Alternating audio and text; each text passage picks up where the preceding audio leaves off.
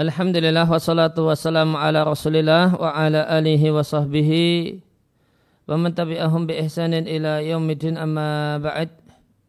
Kaum muslimin dan muslimah rahimani wa rahimakumullah. Insyaallah kita kurang lebih kita memiliki tiga uh, tiga waktu. Sore ini kemudian besok pagi dan sore esok hari. Dan di tiga waktu ini kita akan gunakan untuk membaca dan mentelaah buku uh, Juz'un Fitahni'ati fil A'yati wa ghairiha satu buku tentang tahniah ucapan selamat fil a'yat hari raya wa ghairiha dan yang lain karya Ibnu Hajar al Asqalani dengan penjelasan dari Sasalah al Usaimi hafizallahu taala. Kita mulai dari muqaddimatul ula, muqaddimah yang pertama at-ta'rif bil musannifi memperkenalkan penulis. Nih, ada ada beberapa poin. Yang pertama tentang jaru nasabihi rangkaian nasab beliau. Beliau adalah Al-Alama Al-Hafidh Ahmad ibn Ali ibn Muhammad Al-Kinani Al-Asqalani Al-Syafi'i. Ya, kunyahnya Abu Fadl.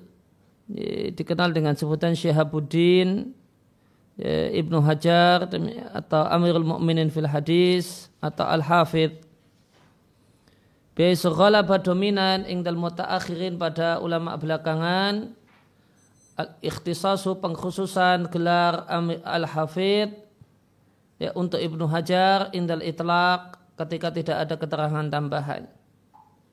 Kemudian tentang tarikh sejarah kelahiran beliau, beliau lahir di bulan Sya'ban tahun 773 Hijriah. Kemudian secara wafat beliau, beliau wafat di awakhir akhir-akhir Dhul Hijjah ini, tahun 852 Hijriah dalam usia 79 tahun rahimallahu rahmatan wasi'ah. Kemudian mukadimah yang kedua At-Ta'rif memperkenalkan bil musannaf tentang karya yang akan dibahas. Ini terdiri dari tiga poin. Yang pertama pemastian tentang unwanihi judul buku ini. Ya, ya bisa dipastikan uh, ya, kemudian validnya judul Juz'un fitahni ati fil a'yati wa ghairiha.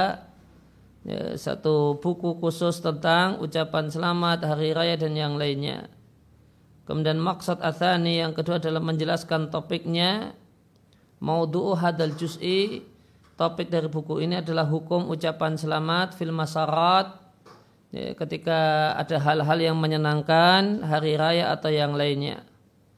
Taudih penjelasan tentang metode penulisan beliau. Bada al-musannif rahimallah, musannif rahimallah memulai juz'ahu bukunya dengan muqaddimah uh, singkat. Beliau jelaskan fiha di muqaddimah mujib faktor pendorong munculnya hadal jawab buku yang asalnya adalah jawaban pertanyaan ini. Wadakar dan beliau sebutkan al-ba'itha faktor pendorong untuk takyid menuliskan lihadal juz'i buku ini.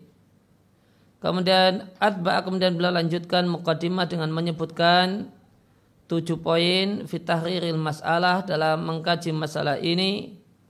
Wa khatama dan beliau tutup dengan satu fasal. Hakaka beliau berikan tahqiq atau hasil kesimpulan fihi di fasal ini tentang umum matahniati ucapan selamat secara umum fil masarat dalam hal-hal yang menyenangkan wal afrah dalam hal-hal yang menggembirakan. Baik itu hari raya pernikahan ya, keterima kerja lulus naik jabatan dan yang lainnya.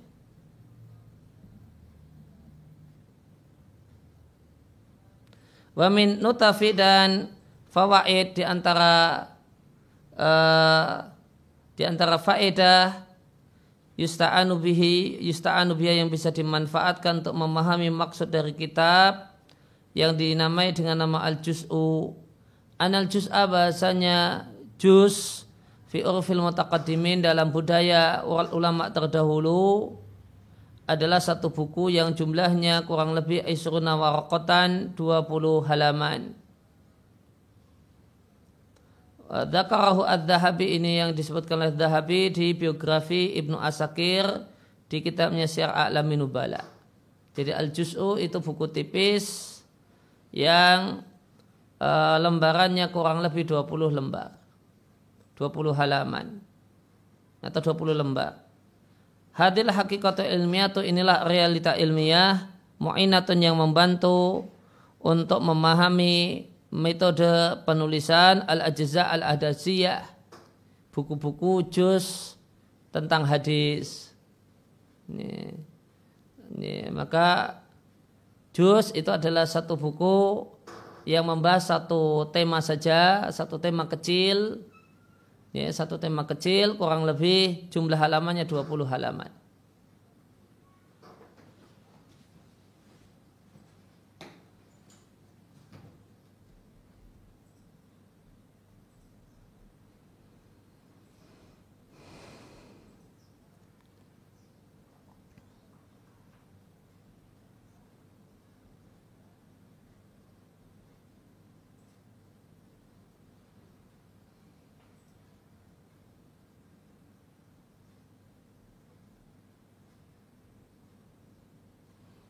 nutaf ya. ya makna asalnya mencabut semacam mencabut bulu. Ya, sehingga nutfah syai'un qalil min ay syai' sesuatu yang sedikit apa pun bentuknya. Kemudian kita masuk pada uh, halaman 9 Qala al-musannifu rahimallahu taala bismillahirrahmanirrahim. Alhamdulillahi wassalamun ala ibadihi istofa. Segala puji milik Allah, keselamatan untuk para hamba-hamba Allah. Yang mereka adalah manusia-manusia yang Allah pilih. Amma ba'du faqad ahdara ilayya ba'du ahli ilmi telah menyodorkan kepadaku salah satu ulama soalan pertanyaan muhassalahu isinya atau intinya bahasanya Syekh Najmuddin Al-Qamuli Asy-Syafi'i mengatakan dalam kitab Al-Jawahir lahu karya beliau di bab Idain dua hari raya. Far'un ya, Lam ara li min ashabina kami tidaklah menjumpai pada salah satu pun ashabina syafi'iyah kalaman perkataan tentang tahni'ati bil aidain tentang hukum ucapan selamat dua hari raya wal awam ucapan selamat karena perubahan tahun wasyuhur atau perubahan bulan sebagaimana dilakukan oleh banyak orang. Sekian perkataan Najmuddin Al-Qamuli.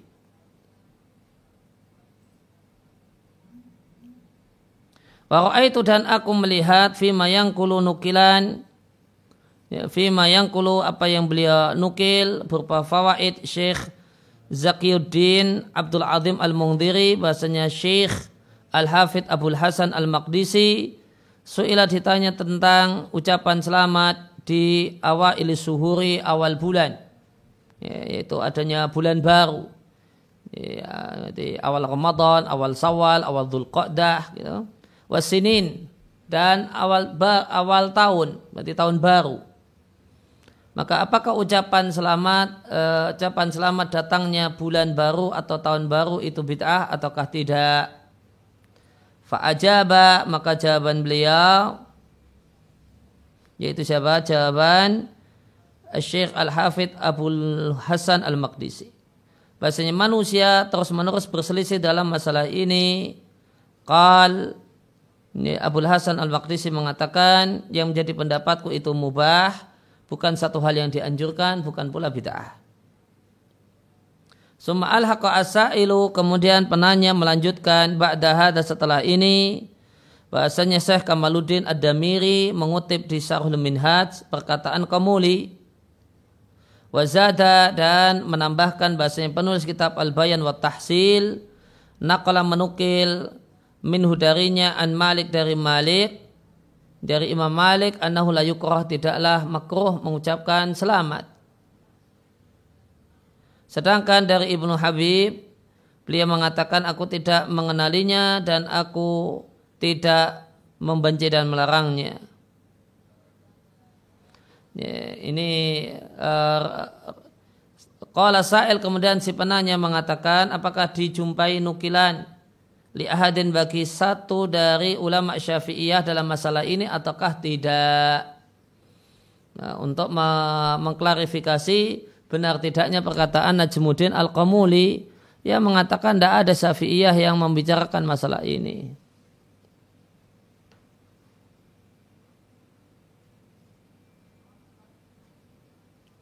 Wahal idza qala qail dan apakah jika ada orang yang mengatakan inna yadkhulu bahasanya itu termasuk dalam sunnah min jihad dari sisi anau mahala sururin dia adalah sasaran gembira. Jika seorang mukallaf telah menunaikan ibadah puasa yang diperintahkan kepadanya misalnya fitahniah untuk mengucapkan selamat idul fitri. Wakada demikian juga ibadah yang disyariatkan di 10 pertama bulan Dhul Hijjah dan yang lainnya. Yakfi dzalika maka apakah pertimbangan itu itu sudah cukup untuk terwujudnya hal yang disyariatkan ataukah tidak Fa'ajabtu amma tadammanahu hadas su'alu maka aku jawab berkenaan dengan kandungan pertanyaan maka jawabanku bi anal kalama alaihi min aujuhin. Pembahasan tentang masalah ini ada beberapa poin. Poin yang pertama, Syekh Najmuddin hanyalah meniadakan apa yang beliau lihat. Syekh Najmuddin cuma mengatakan saya tidak melihat adanya syafi'iyah yang membahas tentang hukum hal ini. Nah apa yang beliau lihat belum tentu dilihat oleh dan di, dilihat oleh orang lain. Beliau mengatakan saya tidak tahu adanya nukilan, maka boleh jadi ada orang lain yang tahu. Sehingga lau kutir wujudu naklin. Seandainya kita andaikan adanya kutipan yang menyelisihi perkataan beliau, maka lam talhaqhu malamatun. Maka tidak ada celaan yang menimpa beliau. Maka beliau tidak tercela. Lu ternyata ada kok. Gitu. Apakah beliau tercela? Tidak. Karena beliau mengatakan saya tidak melihat dan saya tidak mengetahui perkataan Syafi'iyah dalam masalah ini. Nah, kemudian ketika ada orang nyodorkan, ya ada Syafi'iyah yang uh, membahas masalah ini. Apakah beliau keliru? Tidak. Karena beliau menceritakan tentang apa yang beliau lihat, apa yang beliau ketahui. Kemudian kitab beliau Al-Jawahir itu ringkasan dari kitabnya Al-Bahul Muhid Sarah Al-Wasid. Wa hasibtu annahu dzakara hadil qainah fihi dan ya, dan aku mengira bahasanya beliau menyebutkan masalah ini fihi di kitab Al-Baru Al-Muhid absat lebih luas dari apa yang beliau sebutkan di Jawahir. Falam yu'arid alaiha fihi maka ya, tidaklah ya, hmm, ya, kita kemudian tidaklah dianggap apa yang beliau katakan ini sebentar arroja ya ariju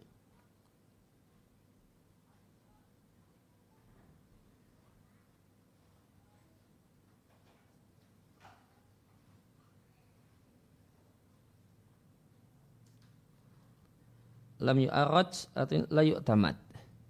Maka tidaklah teranggap perkataan beliau fihi yang ada di uh, Jawahir karena ada penjelasan yang lebih panjang di Al-Bahru Al-Muhid.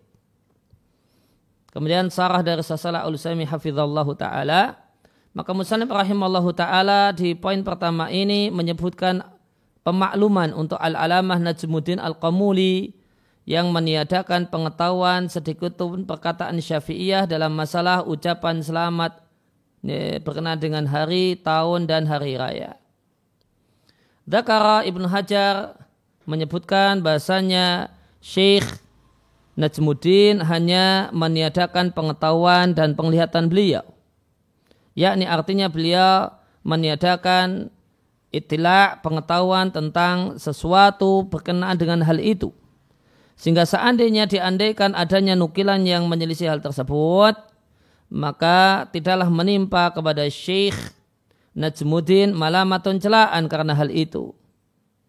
Karena meniadakan pengetahuan berbeda dengan peniadaan secara total. Ya, beliau tidak mengatakan tidak ada syafi'iyah yang membicarakan masalah ini. Nah, itu berbeda dengan kalimat saya tidak mengetahui syafi'iyah yang membahas masalah ini. Maka jika ada seorang mengatakan saya tidak mengetahui satu pun dari hal itu, maka dia hanyalah meniadakan pengetahuannya tentang hal itu. Wakana hada dan adalah ini puncak, puncak dan akhir dari ilmunya. Adapun jika seorang itu mengatakan tidak ada yang benar satupun dari ahli itu. Atau tidak diketahui dalam masalah ini satupun albatata sama sekali. Maka ini umuman finafji. Ini negasi general. Ya, tadi yang negasi general itu bermakna dia telah mencurahkan jeripayah untuk mengkaji dan bibasi untuk mempelajari wattilaihi dan mengetahui faktadat faktadat ghayatul bahsi maka puncak dari pengkajian iktadat menghasilkan al-jasma penegasan bahasanya dalam bab ini atau dalam masalah ini tidak ada satupun kutipan bil kuliah secara total.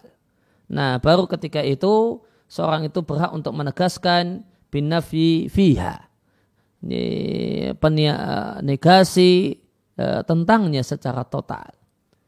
Ya, maka orang itu boleh melakukan negasi secara total kalau sudah uh, mentok melakukan penelitian hasilnya tidak ada.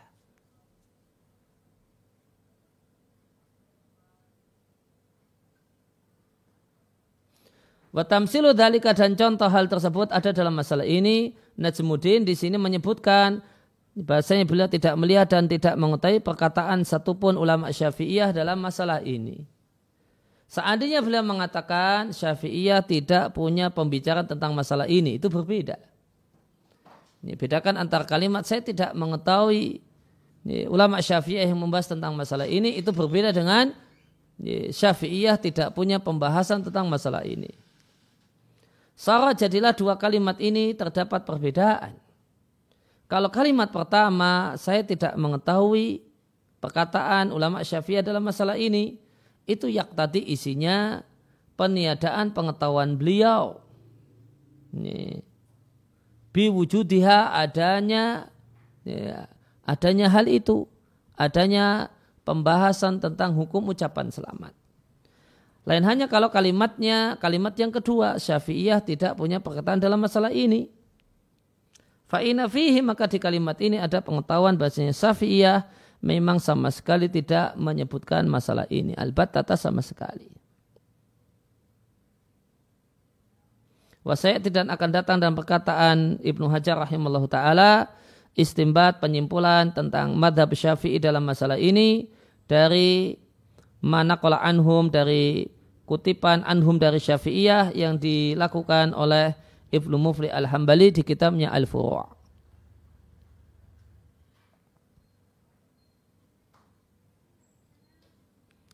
Kemudian poin yang kedua, nukilan dari Al-Mungdiri dari Abul Hasan Al-Maqdisi, la yalzam la yalzamu minhu, tidaklah mengharuskan dari kutipan tersebut wujudu naklin adanya kutipan dari salah satu ulama Syafi'iyah illa bitarika kecuali dengan metode indiraj tercakup dalam perkataan beliau yang bersifat umum bahasanya manusia terus menerus berselisih. Ma ihtimal diiringi dengan kemungkinan bahasanya yang beliau inginkan dengan kata-kata manusia adalah orang-orang yang semadhab dengannya. Dan beliau Abdul Hasan Al-Maqdisi itu bermadhab maliki. Wa mundiri fil hadisi. Dan Abdul Hasan Al-Maqdisi ini adalah gurunya Al-Mungdiri di bidang hadis, bukan di bidang fikih. Ya, penjelasan dari Pensarah wa faqahullah, maka Ibnu Hajar rahimahullah ta'ala menyebutkan dalam poin yang kedua ini, bahasanya perkataan yang dikutip dari Abdul Hasan Al-Maqdisi yang diriatkan oleh muridnya Al-Mungdiri, penulis kitab At-Tarhib wa Tarhib. Abdul Hasan Al-Maqdisi mengatakan, manusia terus-menerus berselisih dalam masalah ini. Maka mungkin dari kalimat ini istifadah disimpulkan madhab syafi'iyah minhu dari kutipan ini. Namun penyimpulannya adalah bil indiraj tercakup. Yaitu secara tidak langsung. Fayakunu kaulahu maka perkataan beliau inan nasa sunya manusia. Ini bisa dimaknai umum. Yastarik mencakup semua person, semua anggota madhab yang empat yaitu madhab yang matbu'ah yang diikuti. Maka tercakup dalam hal itu madhab Hanafi, Maliki, Syafi'i, dan Han Hanabila. Wa yasiru kaulahu jadilah perkataan beliau Abdul Hasan al-Maqdisi ini dalam menunjukkan adanya perselisihan dalam masalah ini di antara para ulama madhab empat yang diikuti. Ila akan tetapi Ibnu Hajar rahimahullah ta'ala membawakan kemungkinan yang bisa diterima. Yaitu kemungkinan bahasa yang dimaksud dengan manusia di sini bukan istiraqian, tidak mencakup semua manusia. Ya, anasnya bukan jinsiyah istiraqiyah, namun dimungkinkan anas al di situ adalah al-ahdiyah. Sehingga yang dimaksudkan dengan manusia adalah manusia khusus yang semadhab dengan beliau dan adalah Abdul Hasan Al-Maqdisi ini madhabnya Maliki meskipun Mungdiri itu madhabnya Syafi'i. Namun eh, perlu diketahui bahasanya Al-Mungdiri itu belajar ya, kepada Abdul Hasan Al-Maqdisi belajarnya belajar hadis bukan belajar fikih.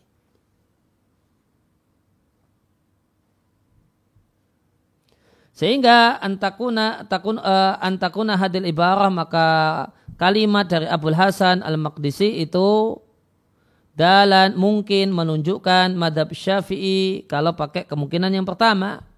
Wayumkim dan mungkin berdasarkan ihtimal kemungkinan yang dibawakan oleh Ibnu Hajar bahasanya yang dimaksudkan adalah khusus untuk madhab maliki. Wasaya tidak akan datang penjelasan ya, berbagai macam madhabil kaum madhab ya, para ulama fima yustaqbal dari poin selanjutnya. Kemudian poin yang ketiga.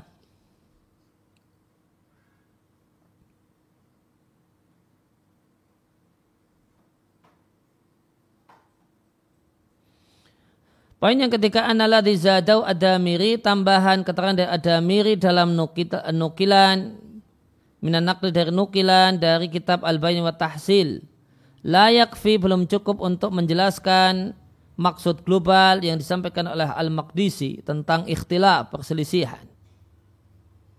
Lianna nakla karena kutipan dalam masalah ini ada dari Malikiyah. Bahkan dan madhab-madhab madhab-madhab fikih yang lainnya. Kutipan uh, masalah ini juga dijumpai dari sebagian sahabat, sebagian tabi'in, mimman ba'dahum, yaitu orang-orang setelah sahabat, min fuqaha il amsar, dari para ulama fikih berbagai kota tentang Syafi'iyah. Maka Al-Hafidh Abu Bakar Ahmad ibn Husain Al-Baihaqi yang merupakan di antara ulama besar Syafi'iyah aqadali dzalika baban. Membuat satu bab tentang masalah ucapan selamat di kitabnya As-Sunan Al-Kabir.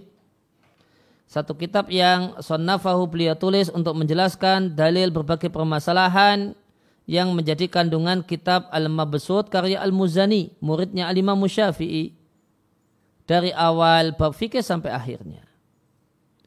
Maka Al-Baihaqi mengatakan, Al-Baihaqi rahimallahu ta'ala mengatakan di akhir bab dua hari raya, ada bab-bab maruya, bab riwayat tentang ucapan manusia sebagiannya dengan sebagian yang lain pada saat hari raya dengan mengucapkan takabbalallahu minna wa minkum. kemudian beliau eh, kemudian Baihaqi menyebutkan fihi di bab ini dari jalur Khalid ibn Ma'dan yang dia adalah rawi yang thiqah. Beliau mengatakan aku berjumpa dengan Wasilah ini Wasilah ibn Asqa as-Sahabi pada saat hari raya. Fakultu maka Khalid ibn Ma'dan mengucapkan takabbalallahu minna wa minka. Fakal lantas Wasilah ibn al-Asqa mengatakan na'am takabbalallahu minna wa minka. Laki itu kata Wasilah ibn Asqa, aku menjumpai Rasulullah Sallallahu Alaihi Wasallam lalu ku katakan pada Rasul takabalu minna wa minka. Fakal jawaban Nabi, respon Nabi, naam takabalu minna wa minka. Kultu kata Ibnu Hajar sanad yang daif. Dikeluarkan oleh Abu Ahmad Ibnu Adi di kitabnya Al-Kamil fi Du'afa dalam biografi Muhammad bin Ibrahim Asyami dan Ibnu Adi berkomentar tentang Asyami beliau adalah mungkarul hadis. Semakal al-Bayhaqi kemudian Bayhaqi mengatakan kujumpai sanat yang lain dari wasilah secara maukuf dari perkataan wasilah tidak marfu kepada Nabi Wasallam. Komentar Ibnu Hajar sanat yang kedua tersebut dikeluarkan oleh At-Tabarani dalam Al-Mu'jam Al-Kabir, Abu Bakar Al-Khalal Al-Hambali di kitabnya Al-Ilal, kemudian Imam Abu Ahmad Abu Ahmad Abdullah bin Muhammad bin Muslim Al-Mukri yang terkenal dengan sebutan Al-Fardi, ahli faraid, fi masyikhatihi dalam kitab masyikhahnya. Ini, ya, kitab masyikhah itu masyikhah itu nama lain dari satu jenis kitab namanya sabat. Ya, ada satu jenis kitab ya, namanya sabat. Ya, nama lain dari sabat adalah masyikhah. Sabat itu eh, sebuah kitab yang berisi sanat milik seseorang terhadap berbagai macam kitab yang dia miliki. Ya, kumpulan sanat kitab. Hmm. Demikian juga uh, Abdul Qasim Zahir ibn Tahir di kitabnya Tufah Idul Adha. Kuluhum semuanya dari jalur Habib ibn Umar al Ansari dari ayahnya aku berjumpa wasilah saat hari Aid maka aku katakan taqabbalu minna wa minka Kata Ibnu Hajar sanat maukuf lebih kuat daripada sanat marfu. Dan kami mendapatkan riwayat di kitabnya di kitab Ad-Doa karya berani dengan sanat yang lebih kuat daripada sanat yang kedua. Jauh yang beliau eh, keluarkan dari jalur Rashid ibn Sa'ad yang dia adalah rawi yang siqah bahasanya Abu Umamah dan dan Wasilah ibn al-Asqa keduanya mendatangi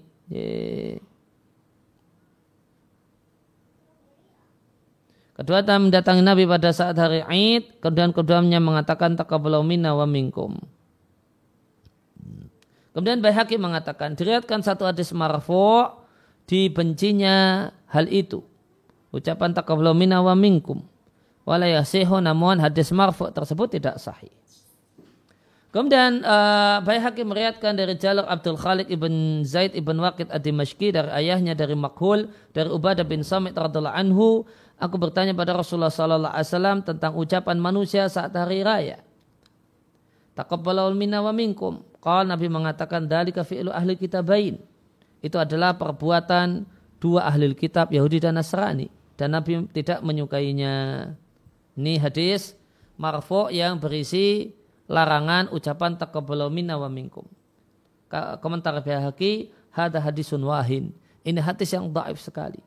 Di sanatnya terdapat Abdul Khalik ibn Zaid dan dia mungkarul hadis. Demikian komentar Bukhari. Kultu kata Ibnu Hajar, perbuatan Baihaqi yang tadi menunjukkan kalau Baihaqi menguatkan yang pertama daripada yang kedua. Fa'ina dzikrahu karena beliau menyebutkan mayasyadulahu yang menguatkan baginya musarihun yang menegaskan daifnya yang kedua. Maka Bayhaqi, perbuatan Bayhaqi menunjukkan bolehnya ucapan taqabbalu minna wa mink. Karena beliau membawakan hadis uh, yang melarang tak ucapan taqabbalu minna wa mink. Kemudian beliau menegaskan, membawakan kutipan, uh, dan menegaskan kalau itu hadis yang daif sekali. Nah. Fakat wujida kalamun fi azil masalah maka telah dijumpai perkataan dalam ya, ya, fi asal hadil masalah dari pokok permasalahan ini wa wujida dan juga dijumpai mayak tadi yang mengharuskan kalau itu hukumnya mustahab dalam madhab syafi'i sebagaimana nanti akan saya jelaskan di poin yang keenam insyaallah ta'ala. Kita lihat perkataan Ibnu Hajar maka beliau sampaikan tentang ucapan taqabbal wa minka ketika hari raya itu ada dua jenis riwayat. Pertama riwayat yang menganjurkan dan yang kedua riwayat yang tidak menganjurkannya. Nah riwayat yang tidak menganjurkannya itu sudah dikomentari oleh bahaya Behaki riwayatnya adalah daif sekali. Sedangkan riwayat yang menganjurkannya, maka itu ada dua macam. Yang marfu' sampai Nabi, ya itu daif. Kemudian maukuf, ya, ucapan sahabat, nah itu yang lebih kuat. Itu kesimpulannya demikian yang tadi kita baca. Kita lihat uh, penjelasan pensarah wafakahullahu ta'ala. Maka Ibnu Hajar rahimahullah ta'ala bermaksud di poin yang kedua ini tahqiq untuk menyimpulkan tahqiqul kaul, membuat kesimpulan bi anna hadil masalah tabasanya masalah ini satu hal yang telah dibicarakan oleh para ulama, para imam di madhab syafi'i.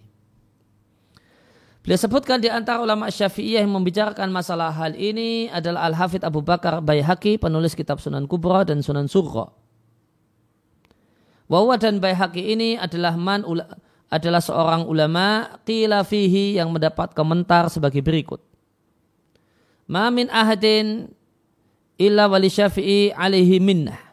Tidak ada seorang pun ulama syafi'iyah kecuali Imam Syafi'i itu lah alaihi minnah. Punya jasa untuknya. Semua ulama syafi'iyah Imam Syafi'i yang berjasa kepadanya kecuali Baihaqi. Kalau Baihaqi malah kalau Baihaqi kebalikannya, fa innahu lahu minnatan 'ala Syafi'i. kalau Baihaqi itu punya jasa dan kebaikan besar terhadap Syafi'i dan madhabnya. Kalau ulama Syafi'i yang lainnya semuanya itu berhutang budi sama Syafi'i. Nah kalau Baihaqi khusus untuk Baihaqi, Imam Syafi'i yang berhutang budi sama Baihaqi. Kenapa demikian? Karena Bayhaqi rahimahullah ta'ala nah, beliau bersungguh-sungguh untuk memberikan pembelaan terhadap perkataan-perkataan syafi'i dengan menyebutkan nukilan dari minasunan dari hadis wal athar dan riwayat para sahabat atau riwayat salaf. Famin jumlati Maja fi kitabhi maka di antara yang terdapat dalam kitabnya Sunan Kubro dan Sunan Kubro adalah salah satu induk ilmu sebagaimana disebutkan oleh Ad-Dhahabi di kitabnya Syar Al-Aminubala. Anau Bayhaqi membuat judul bab di Kitabul Aidain bab maruya bab apa yang diriatkan fi kaulinasi ucapan manusia sebagiannya dengan sebagian yang lain pada saat Aid taqabbalal minna wa minkum.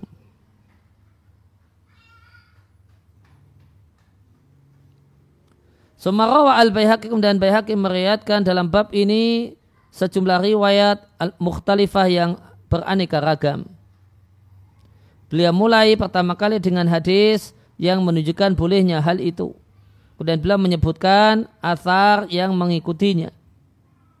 Sumadakar kemudian beliau menyebutkan hadisan satu hadis yang dengannya beliau tutup khotama bihi yang itu beliau jadikan sebagai penutup yang hadis yang yang ini ala khilafi dalik menyelisihi kandungannya menyelisihi hadis sebelumnya. Waktada hadas sani maka perbuatan ini ya, yaitu urutan yang pertama hadis yang menunjukkan bolehnya, riwayat-riwayat yang mendukung, nah, kemudian hadis yang melarangnya. Maka urutan semacam ini, perbuatan semacam ini sebagaimana kata Ibnu Hajar Iktada menunjukkan bahasanya haki merojikan hal yang pertama. Yakni tahniah bihada. Bolehnya ucapan selamat dengan taqabbalau minna wa minka. Li'anna udhakara ma karena beliau datangkan riwayat yang mendukungnya. Lain halnya dengan ini, pendapat yang kedua, beliau menegaskan daifnya. Fahada kuluhu maka ini semua menunjukkan bahasa syafi'iyah dalam masalah ini punya pendapat yang dinukil. Wadali dalam hal tersebut melalui perkataan salah satu imam syafi'iyah yaitu Bayhaqi rahimallahu ta'ala. Ida ulima hada jika hal ini telah diketahui, maka nukilan yang disebutkan oleh Bahaki rahimallahu ta'ala dalam bab ini, pertama kali beliau buka dengan hadis wasilah ibn Asqa' Fihi isinya Nabi Shallallahu Alaihi Wasallam berjumpa dengan Wasilah. Lantas Wasilah ibn Asqa mengucapkan takabbalu minna wa minka. Kemudian Nabi mengatakan na'am takabbalu minna wa minka. Dan ini hadis yang taif tidak valid dari Nabi Shallallahu Alaihi Wasallam. Waruya hada dan hadis ini diriatkan secara mauquf ucapan sahabat dari wasilah sendiri dari sejumlah jalur. Semuanya dhaif. Ila annahu yasulu akan tetapi terwujud dengan bima jumu'iha kalau melihat keseluruhan dan totalnya menunjukkan kuatun kalau itu riat yang kuat. Artinya apa? Kata Sesoleh Al-Usaimi ya Hasan li Untuk riat-riat yang mauquf perkataan Wasilah ibn Asqa itu ya, ya, kalau melihat total ya, berarti bisa dijadikan jadi dalil. Artinya Hasan li Faka'anna hadal athara maka seakan-akan riwayat dari sahabat Wasilah ibn Asqa ya, athar ini red ini sabitun valid dari perkataan Wasilah ibn Asqa. Sebagaimana ditegaskan Imam Ahmad bin Hambal fima sayati min kalamihi yang nanti akan fima sayati akan datang min kalami perkataan Imam Ahmad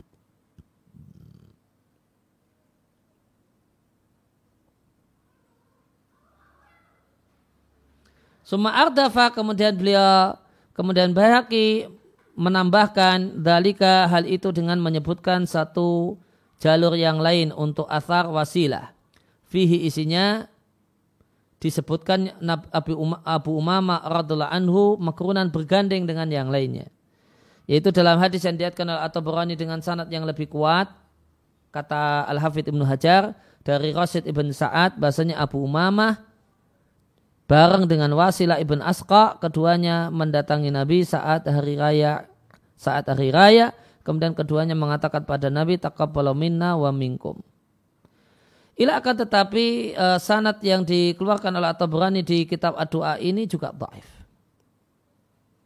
Wasaya tidak akan datang insya Allah Ta'ala hadal atharu riyad ini thabitan valid dari Abu Umamah dengan sejumlah sanat yang lain yadkuruha al-musannifu yang disebutkan oleh musannif. Ya kesimpulannya tentang sahabat Nabi Wasilah maka mayoritas sanat yang diriatkan anhu dari Wasilah ibn Asqa fi hadal asar dalam asar ini padanya kelemahan akan tetapi secara keseluruhan memunculkan yuhdis menimbulkan lahu kuwatun kalau itu kuat alias hasan ghairihi maka kesimpulannya riwayat-riwayat tentang taka, ucapan taqabbal minna wa mink dari sahabat Nabi Wasilah ibn Asqa itu statusnya hasan li ghairihi. Kemudian Baihaqi menutup pembahasannya dengan meriatkan satu hadis yang menyelisih hadis di atas yaitu Maja'ah hadis dari Ubadah ibn Samit radhiallahu anhu ini aku bertanya pada Rasulullah sallallahu alaihi wasallam tentang ucapan manusia saat dua hari raya taqabbal minna wa mink maka Nabi komentar itu perbuatan dua ahli kitab Yahudi dan Nasrani. Dan Nabi tidak menyukainya. Namun hadis ini mungkar, ya, yaitu sangat daif, tidak valid dari Nabi Shallallahu Alaihi Wasallam.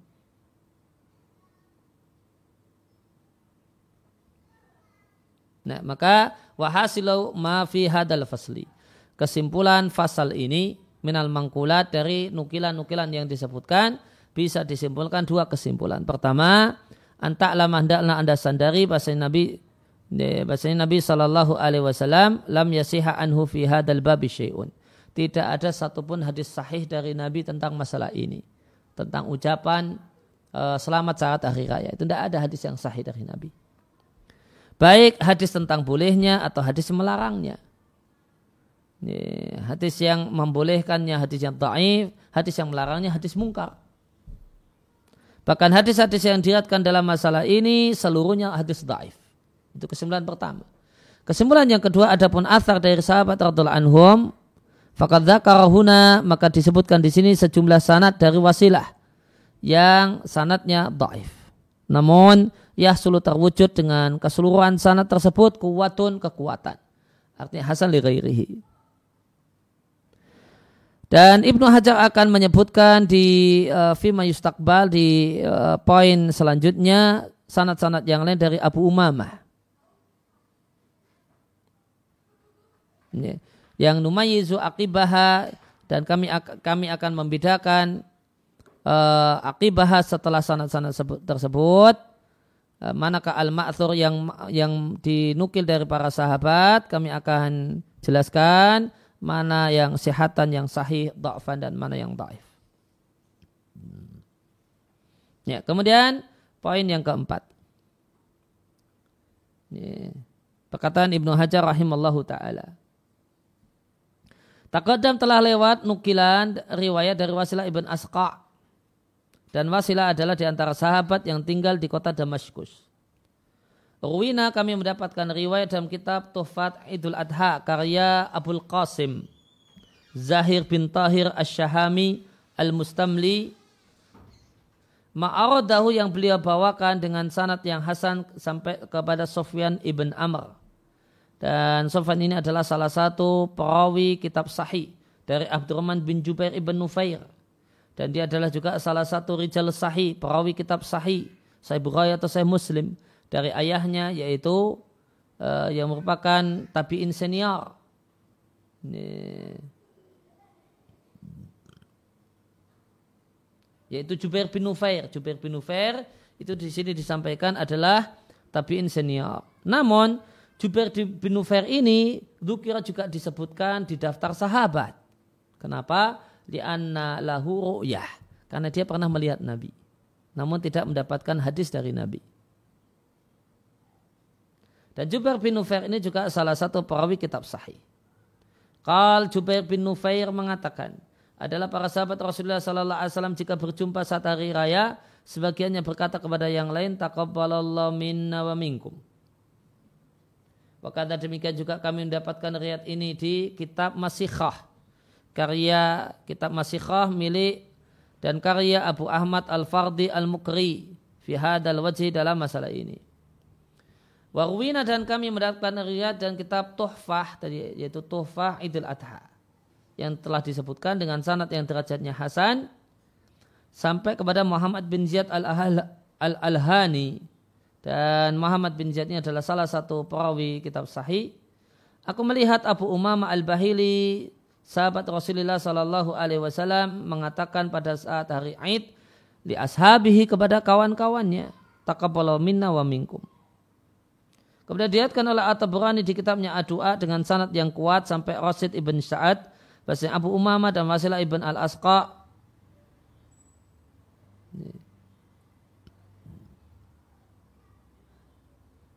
Ya, laqiyahu keduanya menjumpainya.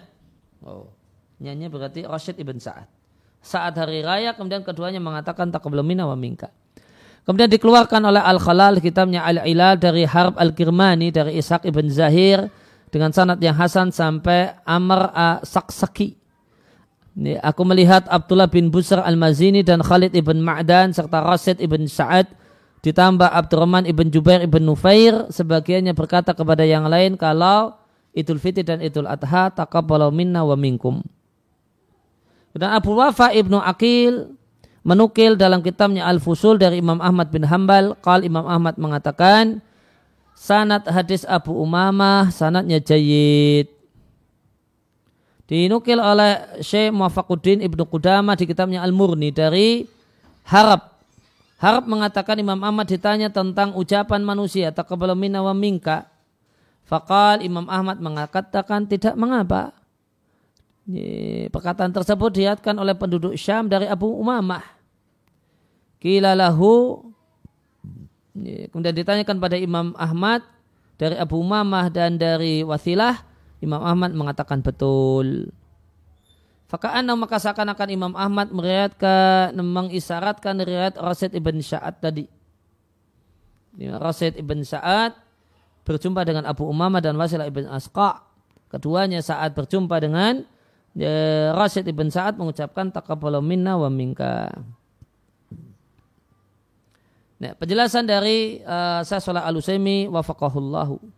Ibnu Hajar rahimahullah ta'ala menyebutkan di poin yang keempat ini hal yang berkenaan dengan riwayat para sahabat radhiallahu anhum dalam masalah ini.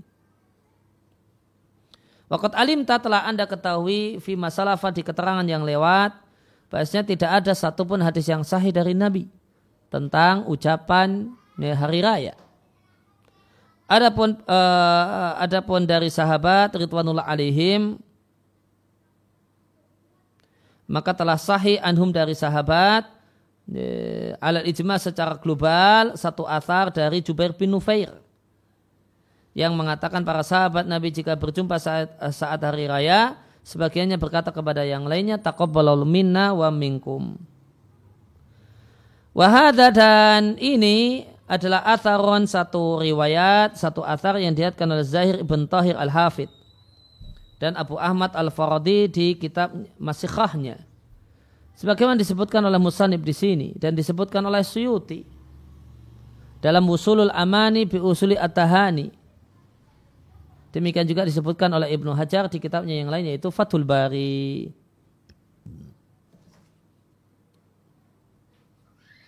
Dan ini riwayat dari apa? Jubair ibn Nufair ini adalah kata Syaikh Usaimi asahu mayudkar. Riwayat paling sahih dari sahabat al umum secara umum. Ini, karena di sini tidak disebutkan sahabat siapa, cuma mengatakan adalah para sahabat jika berjumpa saat hari raya.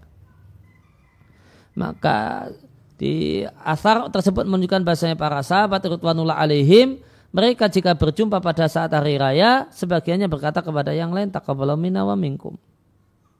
Demikian kesimpulan global kalau untuk riwayat dari sahabat yang paling sahih ya, atau riwayat dari para sahabat secara uh, secara global, maka yang paling sahih adalah riwayat dari An-Nufair uh, Jubair ibn Nufair. Yang dia adalah kibaru tabi'in meskipun dia disebutkan dalam daftar sahabat karena dia pernah melihat Nabi Shallallahu Alaihi Wasallam. Amma alat tafsir sedangkan secara spesifik sahabat ini sahabat itu maka sahih dalam masalah ini dari Abu Umamah. Radhiallahu anhu dalam uh, riwayat yang dihatkan oleh Tahir bin Zair di kitabnya Tufatul Idul Adha dari Muhammad bin Ziyad al-Halahani. Qal Muhammad ibn Ziyad mengatakan aku melihat Abu Umamah al-Bahili sahabat Rasulullah sallallahu alaihi wasallam mengatakan saat hari raya kepada para sahabatnya taqabbalu minna wa minkum. Kemudian yang kedua, wakata demikian juga ja'adhalika terdapat riwayat dari wasilah dengan sanat-sanat yang daif namun sebagiannya menguat, menguatkan yang lain alias Hasan Lirairihi yang menunjukkan kalau karena sebagiannya menguatkan yang lainnya ya dulu ala anna lahu aslan anhu. Ini menunjukkan kalau riwayat ini lahu aslan memiliki dasar anhu dari wasilah ibn al-asqa memiliki dasar itu artinya hasan li ghairihi gitu bebasnya. Ini, memiliki dasar dari wasilah ibn Asqa artinya hasan li ghairihi sampai wasilah bin Asqa. Waqad dzakara hada dan athar ini disebutkan Imam Ahmad Fima dzakar dalam apa yang disebutkan Imam Ahmad min anna hada bahasanya hal ini diatkan oleh penduduk Syam dari Abu Umamah Kemudian ditanyakan pada Imam Ahmad dari wasilah, maka Imam Ahmad mengatakan betul.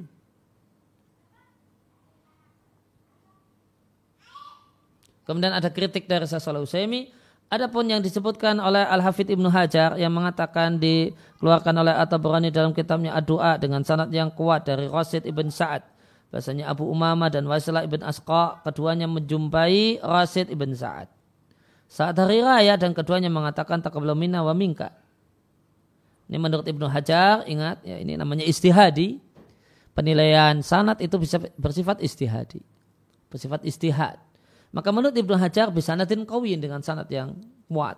Komentar uh, Syaikh Usaimi fihi nadhar ini kurang tepat. Karena di sanat asar ini yang dalam riat atau berani ada rawi namanya Al-Ahwas Ibn Hakim yang dia adalah ahadu du'afa salah satu perawi yang daif. Kemudian sahabat yang ketiga, miman sabata yang valid anhu darinya dalam masalah ini syai'un. Atau miman sabata di antara sahabat yang sahabat terdapat anhu darinya dalam masalah ini syai'un satu riwayat adalah Abdullah bin Busar al-Mazini. Salah satu sahabat yang pada akhirnya singgah di atau tinggal di negeri Syam. Wa fi dzalika wa fi dzalikal athar dan ini adalah riwayat yang dikeluarkan oleh Al-Khalal di kitabnya Al-Ilal Kata Ibnu Hajar dengan sanad yang hasan. sampai kepada Amr Asaksaki. Aku melihat Abdullah bin Busar al-Mazini dan Khalid ibn Ma'dan serta Rashid ibn Sa'ad serta Abdurrahman ibn Jubair ibn Nufair sebagiannya mengatakan pada yang lain saat itu eh, saat hari raya taqabbalu minna wa minkum. Wa hasilu hadhil jumlati maka kesimpulan dari hal ini uh, anta arifah anda mengetahui riwayat dari para sahabat Maka uh, yang dari sahabat Abu Umamah itu apa? Valid, sahih. Kemudian dari Wasilah ibn Asqa itu Hasan li ghairihi. Kemudian dari siapa? Hasan li ghairihi. Kemudian dari Abdullah bin Busar. Ini kata Ibnu Hajar. Bisa nanti Hasanin sanadnya Hasan. Ada tiga sahabat maka ada satu riwayat yang isinya global untuk global dari Jubair bin Nufair. Kemudian ada pun riwayat spesifik maka ada dari tiga sahabat Abu Umamah, kemudian Wasilah ibn al Asqa, kemudian uh, Abdullah bin Busar al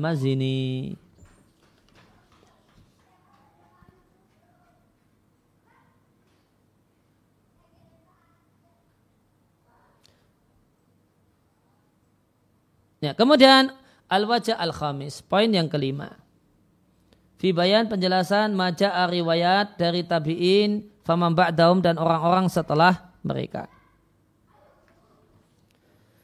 Telah lewat nukilan dari Khalid ibn Ma'dan dan Rashid ibn Sa'ad dan Abdurrahman bin Juvair. Tiga-tiganya tabi'in.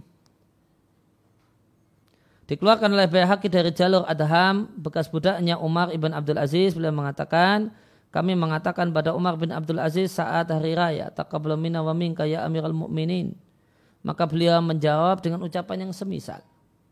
Dan beliau tidak menyalahkan hal ini. Kemudian di, diriatkan Al-Mustamli dengan sanad yang sahih sampai Al-Hajjat sampai Hajjat Ibn Muhammad dan Tabrani dalam kitabnya Ad-Du'a sampai Abu Dawud atau Yalisi. Keduanya dari Syu'bah Ibn Hajjat. Syu'bah mengatakan, aku berjumpa dengan Yunus ibn Ubaid saat hari raya, maka aku katakan taqabbalu minna wa minka. Faqala li, maka jawaban beliau pendek. Nah, ini bisa dicontoh ini kalau pegel jawabnya. Ini banyak yang uh, taqabbalu minna wa minka, taqabbalu minna wa minkum. Ah. Kalau mau pegel, eh, karena pegel ini bisa nyontoh ini. Ucapan Yunus bin Ubaid. Nah, uh, Jawaban Yunus bin Ubaid ketika mendapatkan taqabbal minna wa minka cuma wa minka saja. Ah, gitu. Ini jawab minka. Gitu. Wa dan uh, nukila dan dinukil dari penulis kitab An-Nasihah yang merupakan ulama Hambali. Penulis kitab An-Nasihah mengatakan uh, ucapan taqabbal minna wa minka adalah perbuatan sahabat dan para ulama. Kemudian Al-Qadi Syamsuddin As-Saruji Al-Hanafi di kitabnya Sarah Al-Hidayah mengutip dari Al-Hasan Al-Basri. Ini Hasan Basri tabi'in. Beliau uh, ditanya tentang hal ini, tentang ucapan taqabbalu minna wa minka. Maka jawaban Hasan Al-Basri muhdasun, itu baru. Dari Auza'i beliau mengatakan itu bid'ah. Dari Lais ibn Sa'ad beliau mengatakan labak sabi tidak mengapa.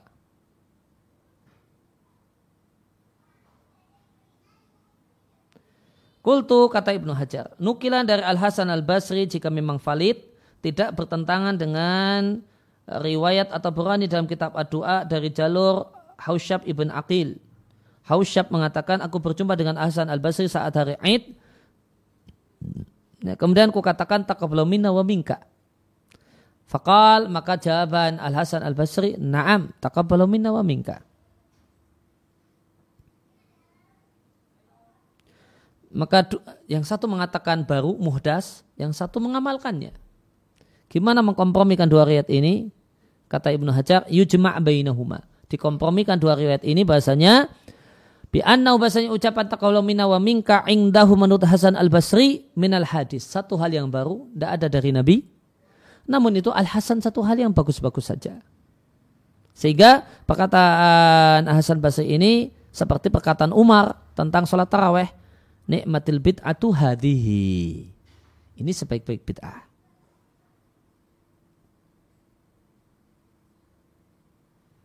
Wayuhtamal dan dimungkinkan misluhu perkataan yang semisal atau komentar yang semisal untuk ini, label atau nukilan dari Auza'i. Auza'i tadi mengatakan apa? Bid'atun. Nah bid'atun di sini bisa kita maknai muhdas ala Hasan al-Basri. Yaitu satu hal yang baru tidak ada dari Nabi, namun itu boleh-boleh saja karena ini bukan perkara ibadah.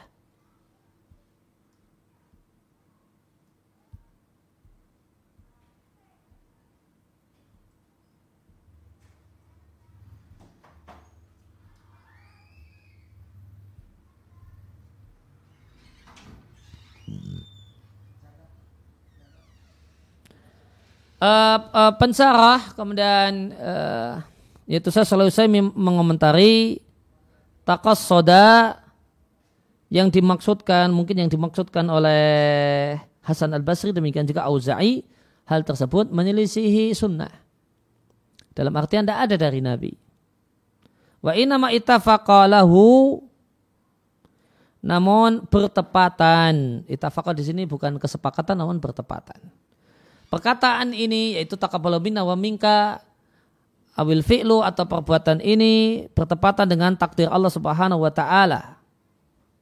Al-madi yang telah berlalu ala naq, ala naqsil makhlukin.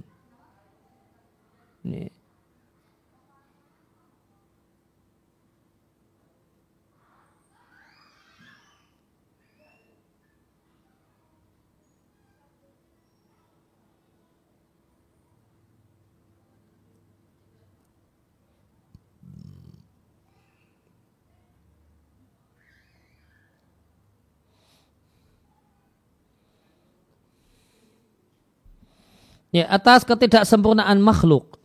Wa anal makhluk dan bahasanya makhluk itu tubi'a memiliki karakter an tidak sempurna, lupa, lupa dan keliru. Dan para sahabat Ridwanul alaihim dalam masalah ini seperti orang yang lain. Ila akan tetapi Allah mengkhususkan mereka berupa menjadi sahabat sang Rasul Sallallahu Alaihi Wasallam, kemudian menyaksikan turunnya Al-Quran dan mengetahui tafsirnya. Faliyakun hadal aslu maka adalah kaidah ini itu para sahabat itu mungkin lupa ya mungkin lupa mungkin keliru maka hendaklah uh, kaidah ini uh, mingka ala dzukrin senantiasa anda ingat ya. Fa'inau aslun azimul manfaat karena dia ada satu kaidah yang sangat besar manfaatnya.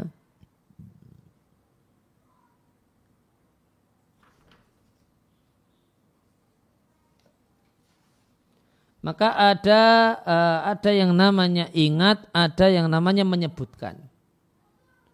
Ya, tentu ada ada ada ingat dan ada menyebutkan. Nah kalau ingat itu kata Sasolah Usaimi yang benar adalah zukrun itu ingat. Kalau menyebutkan itu zikrun. Sehingga hendaknya hal ini senantiasa Anda ingat Faliyakun hada minka ala zukrin. Hendaknya Anda senantiasa ingat. Maka ingat itu zukrun. Sedangkan kalau menyebutkan itu zikrun. Nah kemudian al-wajah asadis. Poin yang keenam. Atau pembahasan yang keenam.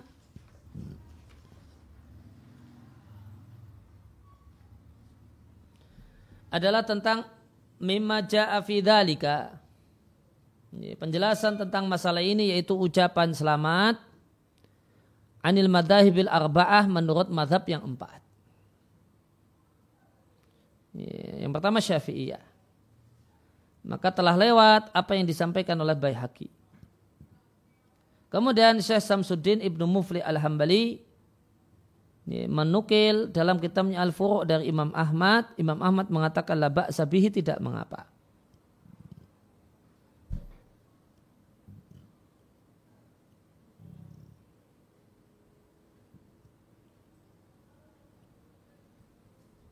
Waraqama alaihi dan Ibnu Muflih itu memberi menuliskan alaihi pada perkataan Imam Ahmad ini ala mata simbol kalau Imam Ahmad mencocoki Syafi'i. Karena Ibnu Mufi al-Hambali itu punya istilah ala istilahi menurut istilahnya Ibnu Muflih anahu bahasanya Ibnu Muflih itu yurakim menuliskan untuk tiga madhab menuliskan kode wifakon tiga madhab ini sepakat khilafan ataukah tidak sepakat. Maka kode untuk Imam Abu Hanifah dalam bukunya Ibnu Mufli Al-Hambali di kitab Al-Furu' Imam Abu Hanifah dikasih eh, kode H. Imam Malik dikasih kode Mim, Syafi'i dikasih kode Syah. Nah, Fa'inkanan masalah itu maka jika satu masalah itu diperselisihkan, Imam Ahmad itu berselisih dengan tiga imam yang lainnya, Rokoma maka beliau akan mencantumkan alihah pada perkataan Imam Ahmad atau pendapat Imam Ahmad nama ulama ya, yang menyelisihi Imam Ahmad. Ya, maka setelah Imam Ahmad berkata demikian, habis itu dikasih tanda syah. Oh berarti ini beda dengan Imam Syafi'i. Atau kemudian setelah Imam Ahmad pendapat Imam Ahmad demikian disebutkan mim dan sya. Ma dan sya, mim dan shin. Oh ini berarti pendapat Imam Ahmad itu mencocoki Imam Abu Hanifah namun berbeda dengan Imam Malik dan Imam Syafi'i.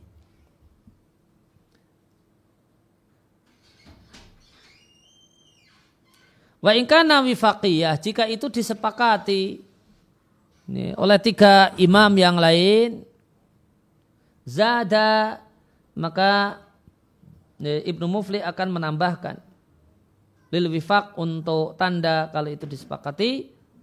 Qabla al sebelum beliau tuliskan uh, wawan beliau tambahkan huruf wawu. Nah itu singkatan dari wifaq sepakat dan cocok.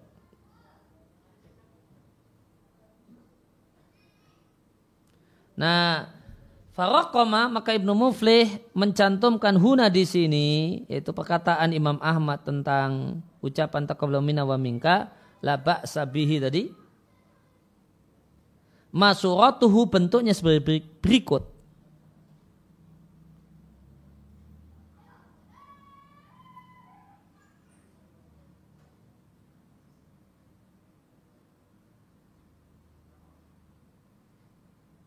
Oh, tadi apa sebelumnya wa ingkana wifaqiyah jika wifaqiyah maka ditambahkan untuk pertanda e, mencocoki huruf wawu. Jadi nanti mencocoki siapa wawu terus kode imam. Kalau mencocok Imam Abu Hanifah berarti wawu sama ha. Mencocoki Imam Malik berarti wawu sama mim. Jika mencocok Imam Syafi'i wawu sama sya. Jika mencocoki Imam Malik dan Imam Syafi'i maka wawu dan mim dan sya. Nah, untuk kalimat kepakatan Imam Ahmad laba sabihi ini terdapat kode yang suratuhu bentuknya sebagai berikut. Wawu dan sya. Kata-kata wawu dan sya itu yakni bermakna Imam Ahmad wafaqa wafaqa syafi'atu hadir riwayata.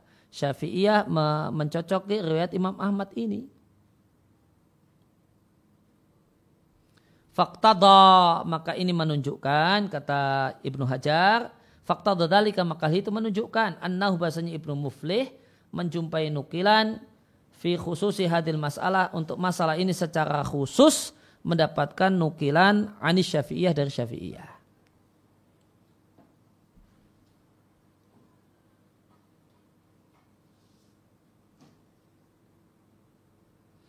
Kemudian madhab maliki.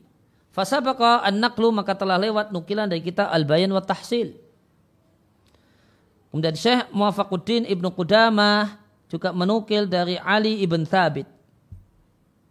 Qal Ali mengatakan, aku bertanya kepada Imam Malik andalik tentang hal tersebut sejak 35 tahun lamanya. Faqal maka jawaban Imam Malik lam yazal yu'rafu hada bil Madinah terus menerus dikenal ucapan semacam ini taqabbalu minna wa mink di kota Madinah. Kultu Ibnu Hajar mengatakan, Wahadal mangkul kutipan dari Ali bin Thabit dan dia adalah Ali bin Thabit al-Jazari dikutip oleh Abu uh, oleh Abu Hatim Ibnu Hibban di kitabnya Athiqat. Faqal Ibnu Hibban mengatakan akhbarana Ibnu Al-Baghandi. Qal hadasana Muhammad ibn Hatim. Qal hadasana Ali ibn Thabit. Qal Ali bin Thabit mengatakan, aku bertanya pada Imam Malik tentang ucapan manusia yaitu taqabbalu minna wa minka ketika hari raya eh, fadakarahu lantas kemudian beliau menyebutkan perkataan Imam Malik dengan redaksi mazala amru ingdana kadalik. Eh, keadaannya adalah demikian, ada ucapan itu, ingdana di tempat kami di Madinah, kadalika seperti itu. Namun As-Saruji mengutip di kitabnya Sarul Hidayah dari Imam Malik. Imam Malik mengatakan itu adalah perbuatan orang non-Arab dan beliau tidak menyukainya. Wahadal akhir dan kutipan yang terakhir itu huwa muqtada adalah konsekuensi perbuatan penulis kitab Al-Furu' oh, tadi uh, kitab Al-Furu' yaitu Ibnu Muflih karena tadi di kita bahas tadi ketika membahas uh, Syafi'iyah Ibnu Muflih Ibnu Muflih dan Syafi'iyah pendapat Imam Ahmad yang mengatakan tidak mengapa itu cuma mencocoki Syafi'iyah Berarti kalau cuma mencocoki Syafi'iyah, Hanafiyah sama Malikiyah tidak mencocoki Imam Ahmad. Jadi menurut berarti ucapan taqabbalu minna wa minka itu menurut dua madhab selain Syafi'iyah dan Hanabila yaitu Hanafiyah dan Malikiyah hukumnya makruh. Sehingga Ibnu Hajar mengatakan wahadal akhir dan kutipan yang terakhir tadi Saruji dari Imam Malik yang mengatakan Imam Malik tidak menyukai ini adalah muktadok konsekuensi perbuatan Ibnu Muflih penulis kitab Al-Furu' tentang pendapat Hanafiyah dan Malikiyah. Annahu bahasanya yang menjadi pendapat Hanafiyah dan Malikiyah tidak dianjurkan mengucapkan taqabbal minka wa minka. Kemudian tentang madhab Hanafi. Asaruji mengutip dari kun, uh, kunyatul munyah. Hmm. Anaudhakara hadil mas'alah tabasanya beliau menyebutkan permasalahan ini dan mengatakan tidak dikutip, tidak dinukil dari an, an, an ashabina dari Hanafiyah karohatun ketidaksukaan. Kemudian kukatakan wadhakaraha dan pendapat ini disebutkan oleh Qadi Alauddin At-Turkumani di kitabnya Ad-Dur An-Naqi dan beliau mengoreksi Baihaqi untuk hadis Abu Umamah yang telah kodam itu telah aku sampaikan. Wa naqala fihi Ibnu Turkuman atau At-Turkumani kemudian mengutip perkataan Imam Ahmad kalau sanadnya jayid.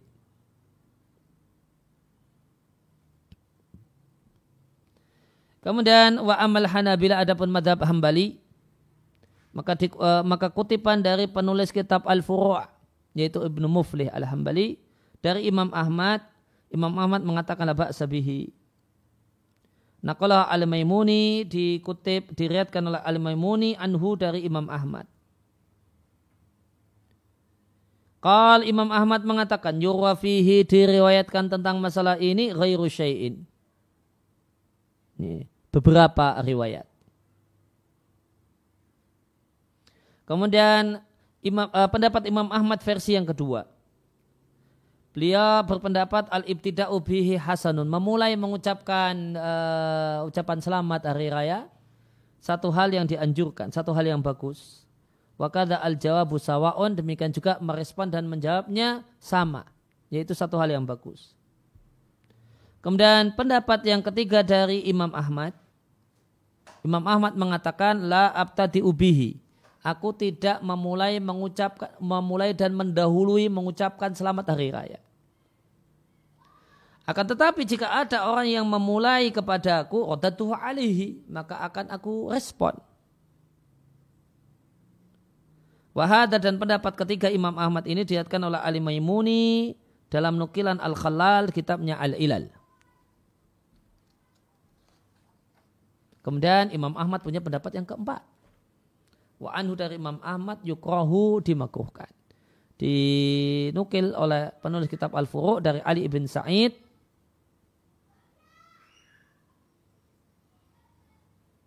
Uh, Ali bin Said mengomentari pendapat Imam Ahmad adalah aku menilai pendapat ini yaitu pendapat yang mengatakan makruh uh, pendapat yang tidak menyukai itu ada sebabnya.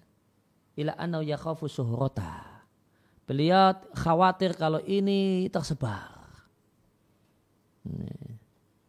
jadi tidak disukai karena khawatir itu tersebar Imam Ahmad punya empat pendapat Imam Ahmad punya empat pendapat tentang ucapan selamat hari raya. Pertama, tidak mengapa, mubah. Yang kedua, menjawabnya baik, eh, memulainya baik, menjawabnya juga baik. Yang ketiga, saya tidak mau mulai, tapi kalau uh, kalau ada yang mengucapkan selamat kepada saya, maka pasti akan saya jawab. Kenapa? Karena ucapan selamat itu ucapan penghormatan. Ucapan selamat hari raya yang ditujukan pada kita itu ucapan penghormatan. Maka berlakulah firman Allah di surat An-Nisa wa idza huyitum bi tahiyatin fahayu bi ahsana minha urduha. Jika kalian mendapatkan ucapan penghormatan maka balas yang semisal atau yang lebih baik. Nah, maka jawablah dengan yang lebih baik atau yang atau yang semisal. Kemudian yang keempat, uh, Imam Ahmad tidak suka. Non tadi dikasih takwil, tidak suka ini, tidak suka kalau itu tersebar. Kalau itu populer.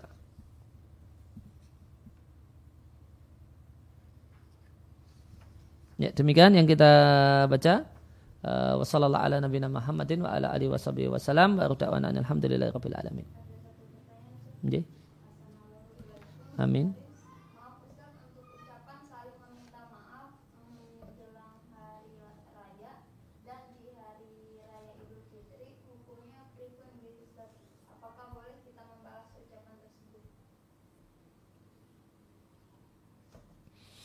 Uh, ucapan uh, ringkasnya nanti akan kita simpulkan bahasanya ucapan di saat hari raya itu uh, apa ya perkara ya, ada atau ucapan dalam ucapan selamat atau ucapan saat hari raya perkara kembali kepada kebiasaan. Ya, sehingga uh, di sini kemudian ada ucapan selamat atau kemudian ucapan minta maaf. Jika memang harus minta maaf ya tidak mengapa Ya. ya kalau kemudian mau dimaafkan ya kemudian sama-sama kalau masih berat untuk memaafkan ya dikasih senyum saja. Ada lagi? Ya demikian subhanakallahumma wa bihamdika asyhadu an la ilaha illa anta astaghfiruka wa atubu ilaik.